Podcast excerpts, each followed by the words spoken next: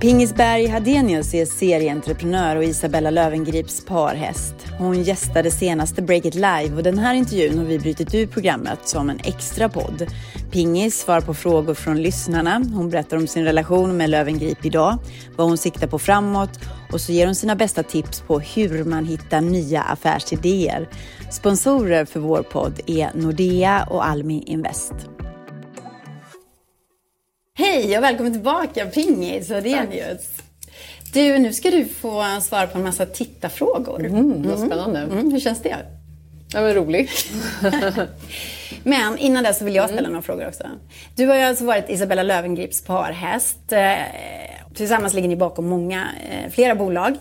Och eh, förra året var ju ett minst sagt händelserikt år och lite tufft. Du lämnade flera av bolagen som ni tillsammans har byggt upp. Det var skriverier om dåliga arbetsförhållanden på Lövengrip Beauty och under hösten så var ju Isabella Lövengrip öppen med att hon hade bränt ut sig och inte orkade göra så mycket. Hur navigerar du i allt det här? Du hade också fått barn precis. Ja. Liksom. Jo, men alltså det är ju så här som med entreprenörskap och, och driva bolag, det går upp och ner hela tiden. Och det måste man ju vara extremt medveten om när man ger sig in i att driva företag. Det är inte en dans på rosor. Det som har varit roligt med Löwengrip i alla år är ju liksom att vi har haft en fantastisk tillväxt och vi har varit lönsamma. Mm. Och vi har flera av medarbetarna startat eget och så vidare. Eh, sen får man inte heller glömma bort att eh, det varit väldigt roligt att skriva med oss som bolag. Eh, Isabella är en, en av Sveriges mest kända personer. Så man vill jättegärna kommentera och tycka mm. om henne hela, hela tiden. Och det har ibland varit jättepositivt och ibland jättetufft. Liksom. Så det, det har varit en värld man har varit van vid i alla år. Mm. Det måste vara svårt att navigera i just den biten med medier som man har så svårt för att kontrollera många gånger. Ja, så det som jag tror man kanske glömde bort ibland var att Isabella har ju alltid haft sitt egna mediebolag, Lövengrip mm. Invest. Eh, och sen finns det Lövengrip Beauty. Och eh, hon hade ett tiotal eh, medarbetare och vi delade alltid kontor. Där fanns det väl, väl, det är ett bolag som hon fortfarande äger till 100 procent. Så ingen annan, varken jag eller någon annan, har ju haft någon påverkan eller något att säga till om där. Och i media har de här bolagen alltid blandats ihop eh, mm. väldigt friskt. Och jag har ju många tillfällen också blivit uppringd av journalister som vill ha kommentarer på det som jag inte har någon aning om. Det. Och det är ibland varit svårt att hålla isär de där två. Jag har ju bara varit engagerad och är eh, i Löwengrip Beauty. Mm. Men det så. sålde ni det bolaget i början mm. på året. Mm. Betyder det att ni gick skilda vägar eller vad har ni för relation idag? Men idag så umgås vi mest eh, privat och Isabella är i princip eh, helt sjukskriven. Liksom. Mm. Och, Eh, det kanske vissa har svårt att förstå för man syns i sociala medier men eh, faktum var när vi blev bolagspartner så tror jag det var ett halvår innan så hade hon också lite lätt gått in i väggen. Jag menar det här är ett, ett tufft jobb. Mm. Och man jobbar liksom sju dagar i veckan, ännu mer hon. Så jag kan förstå också att hon behöver återhämtning. Men det måste ehm. varit, jag tänker om man har en partner som mm. man jobbar så tätt med mm. och tätt intill. Mm. Och verksamheten såklart och allt ni gör bygger ju mm. på att ni har energi och mm. kommer framåt båda två. Hur är det då när man känner att ens partner tappar?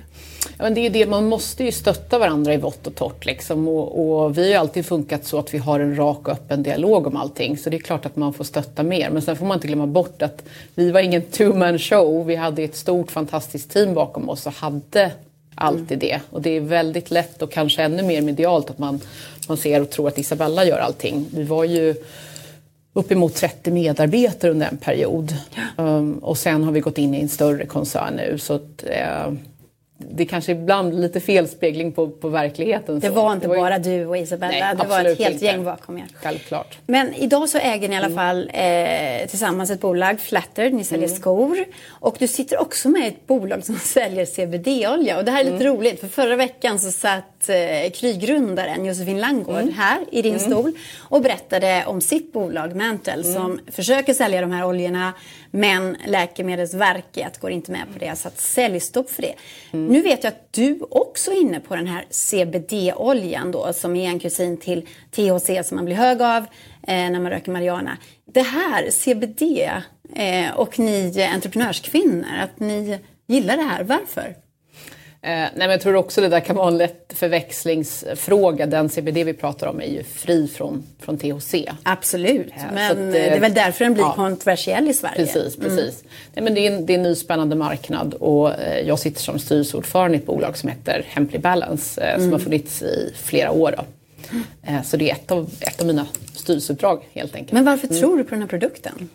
Jag har väl testat det själv. Eh, jag har två syskon som är läkare som har vurmat väldigt mycket för det här som en, en positiv hälsoingrediens. Mm.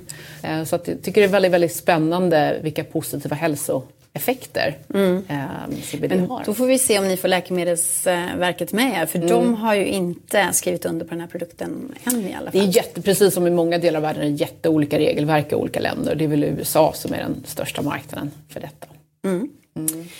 Pingis, mm. några frågor från våra mm. tittare här som har varit ovanligt aktiva. Eh, mm. Det är väl roligt. Mm. Den första frågan här. Vad var den tuffaste perioden under Lövengrip-eran?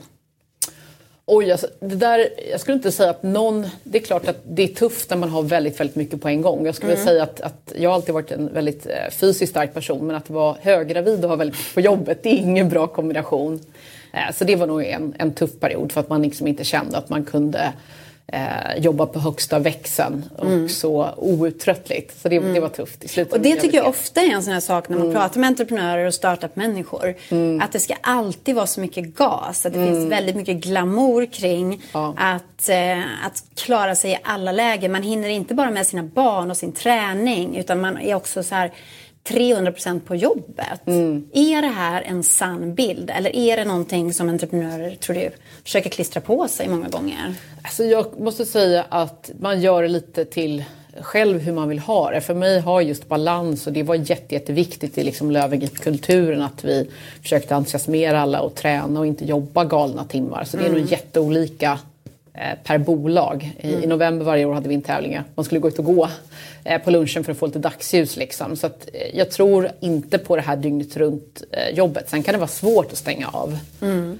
Absolut, men det är också för att man tycker det är roligt. Så man får inte glömma bort det. Jag har haft extremt roliga år och det är ju det roliga som gör att man orkar de här tuffa perioderna. Det får man inte mm. glömma bort. Mm. Du, eh, en annan fråga mm. här då. Har du tips på hur man hittar sin affärsidé?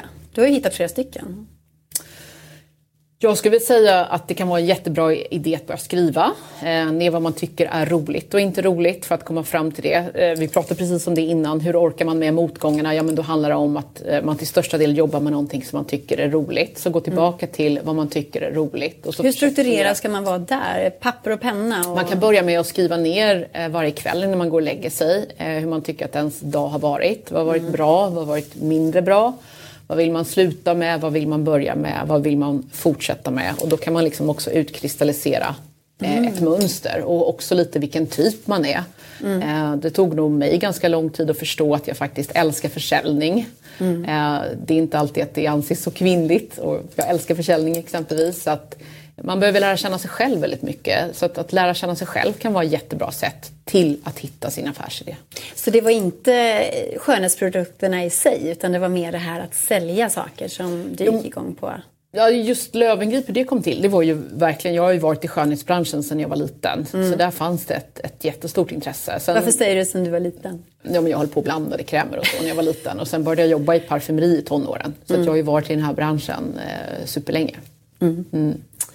Mm. Nästa fråga, mm. är du beredd? Mm. Planerna för Hemply Balance, alltså bolaget som ja. säljer CBD, eh, ska ni noteras? Är det någon som frågar här? Ja, nästa år. Va? Mm. Är det sant? Mm. Okej. Okay. Hur går ni tillväga då, då för att allting ska se fint ut när den här noteringen ska till? Eh, det här handlar ju väldigt mycket om legala saker, det är ordning och reda i, i bolaget. Eh, så, så den förberedelsen är redan gjord. Men eh, nästa år säger du. Mm. Pratar vi tidigt nästa år eller sent nästa år?